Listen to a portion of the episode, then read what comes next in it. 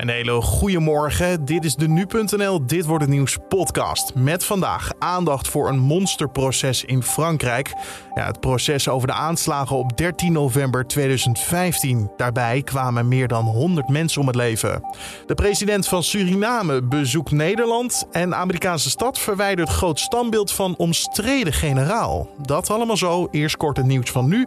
Mijn naam is Carne van der Brink en het is vandaag woensdag 8 september. D66-leider Sigrid Kaag wil niet haar vertrouwen uitspreken in VVD-leider Mark Rutte. Meerdere Kamerleden vroegen er gisteren tijdens het eh, formatiedebat naar, maar Kaag wil de relatie vooral zakelijk houden. Ik vertrouw eerlijk gezegd heel weinig mensen in het leven. Ik vertrouw mijn man, ik vertrouw mijn eigen familie en een paar vrienden. Ik ga af op zakelijke afspraken die we correct met elkaar willen uitvoeren. De vertrouwensvraag ligt logischerwijs op tafel. Niet alleen omdat de formatie nog steeds niet is begonnen, maar ook omdat Kaag in een toespraak maandagavond flinke kritiek leverde op Rutte en zijn manier van leiding geven. Het is nu aan Johan Remkes als nieuwe informateur om stappen te zetten in deze hele formatie. Bij een brand in een gevangenis in Indonesië zijn zeker 41 mensen omgekomen. Alle omgekomen slachtoffers waren gevangenen en er vielen zeker 80 gewonden. Volgens een woordvoerder was de gevangenis overbevolkt. Het complex had een capaciteit voor 600 personen, maar tijdens de brand werden er mogelijk ruim 2000 mensen vastgehouden. Mogelijk was de oorzaak van de brand een kortsluiting. De vader van Britney Spears heeft een rechter gevraagd om na 13 jaar het toezicht op zijn dochter te beëindigen. Dat meldt TMZ. In de rechtbankpapieren zou Spears beargumenteren dat als de 39-jarige zangeres denkt dat ze het leven aan kan zonder de maatregel, ze die kans moet krijgen. De zangeres had in 2008 te maken met een mentale inzinking en werd in datzelfde jaar onder curatele gesteld. Haar vader bepaalde vanaf dat moment onder meer wat er met haar geld gebeurde en waar ze mocht wonen.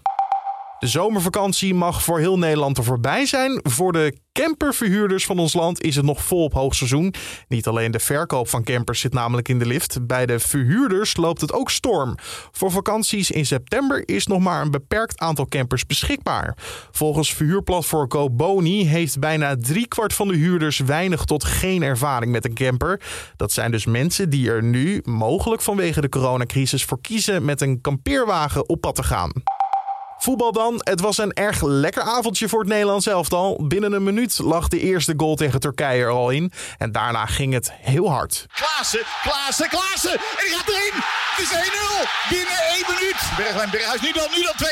Ja, ja, het is 2-0 Memphis. Zoals te horen bij de NOS. Oranje won de WK-kwalificatiewedstrijd uiteindelijk met 6-1 van Turkije. Memphis Depay scoorde een hat en bondscoach Van Gaal is erg blij met zijn spelers. Het is gewoon een hele blije, goede groep en, en uh, willen alles doen voor, me, voor elkaar. En als we een goed plan hebben, dan willen ze dat uitvoeren. Nou, en dat hebben we vandaag gezien. Nederland is nu op doelsaldo de nummer 1 in de pool. Dan over naar de agenda van vandaag, oftewel dit wordt het nieuws. 13 november 2015.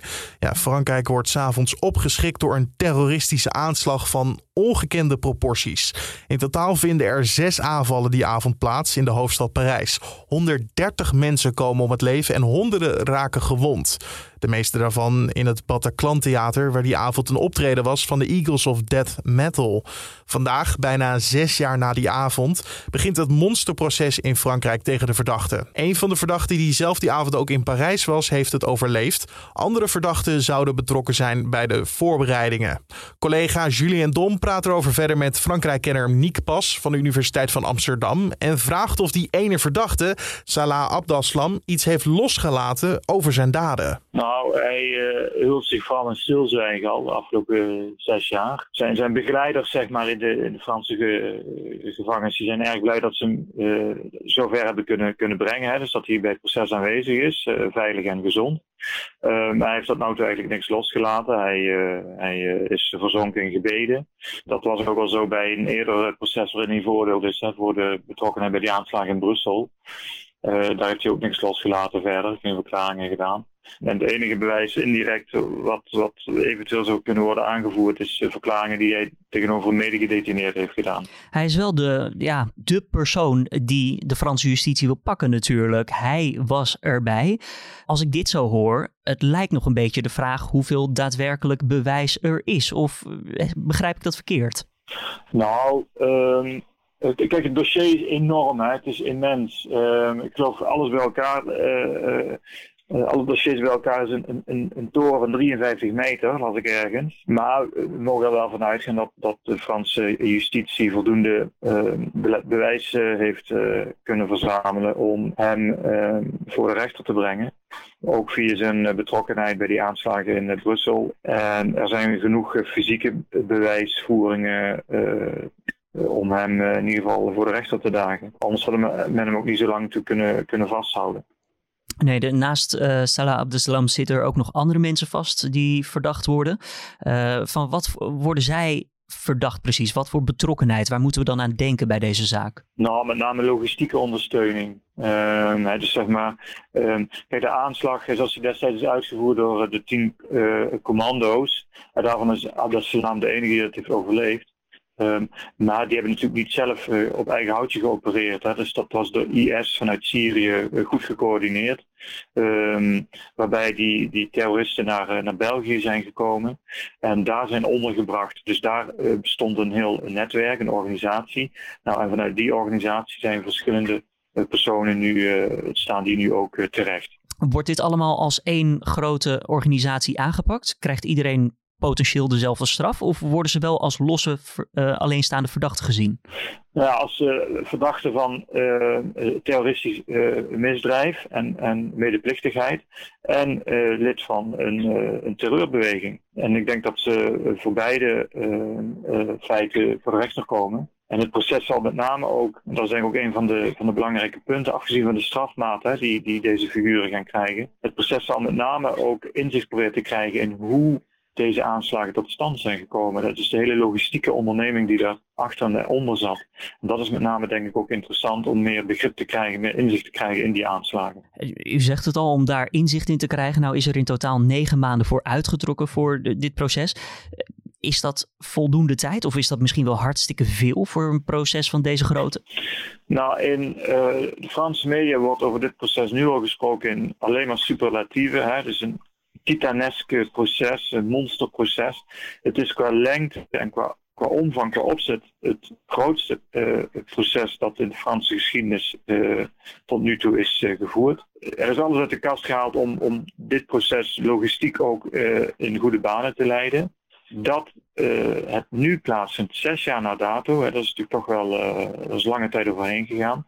Maar dat geeft wel aan dat het Openbaar Ministerie in Frankrijk dit echt heel goed heeft willen voorbereiden.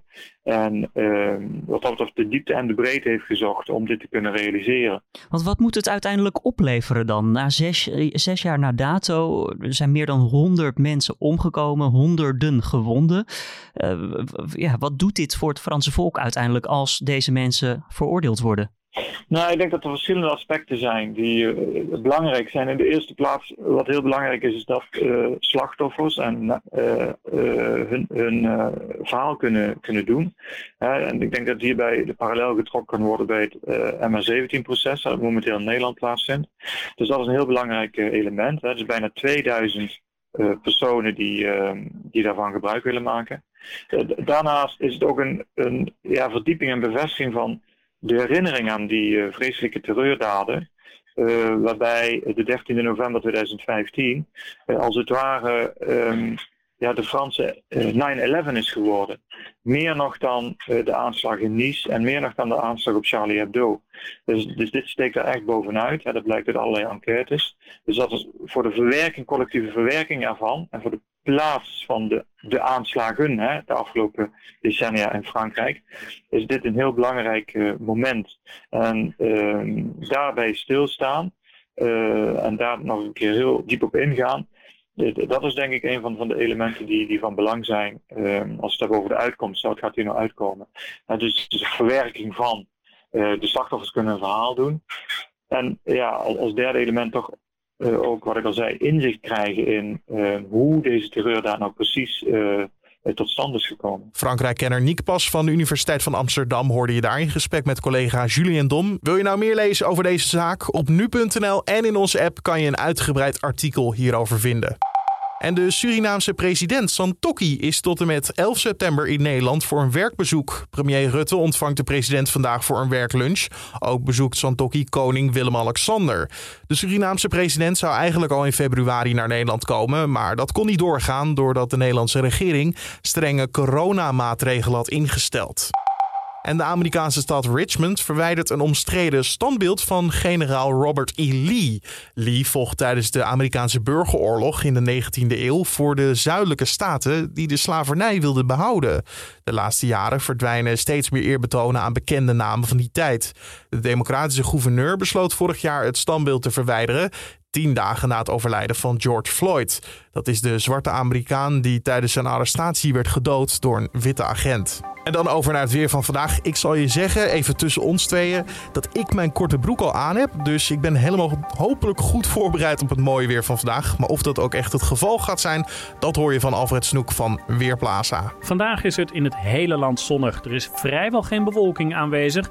En na misschien nog frisse start tijdens de vroege ochtenduren is het op sommige plaatsen slechts zo'n 13 of 14 graden. Loopt uiteindelijk de temperatuur heel snel op en bereiken we vanmiddag waarden van zo'n 24 graden op de Waddeneilanden tot 28 graden in het zuiden van het land. Ook vanmiddag staat er weinig wind. Dat betekent dat het op diverse plaatsen voor het gevoel zelfs nog een tikkie warmer is. Dankjewel Alfred Snoek van Weerplaza. En om af te sluiten nog even dit. Erfgoedvereniging Bond Heemschut wil dat het beeld van de Efteling-attractie Monsieur Cannibal een plek in het Rijksmuseum krijgt. De vereniging stelt dat Monsieur Cannibal de discussie over racisme in ons land illustreert.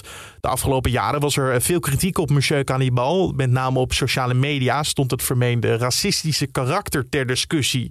De Efteling heeft dit jaar besloten dat de attractie wordt aangepast en het beeld verdwijnt en de kookpotten worden omgebouwd tot handelschuitjes. De Efteling zelf heeft nog niet gereageerd op het idee om het beeld naar het Rijksmuseum over te plaatsen. Tot zover deze Dit Wordt Een Nieuws podcast voor de woensdag. Dankjewel voor het luisteren. Zoals altijd kan je de podcast delen met bekende of onbekenden. En je kan een recensie achterlaten bij Apple Podcast. Daarmee help je anderen ook hem weer makkelijker vinden. Dus help je ons extreem mee. Mijn naam is Carne van der Brink. Bedankt voor het luisteren en een hele mooie dag vandaag.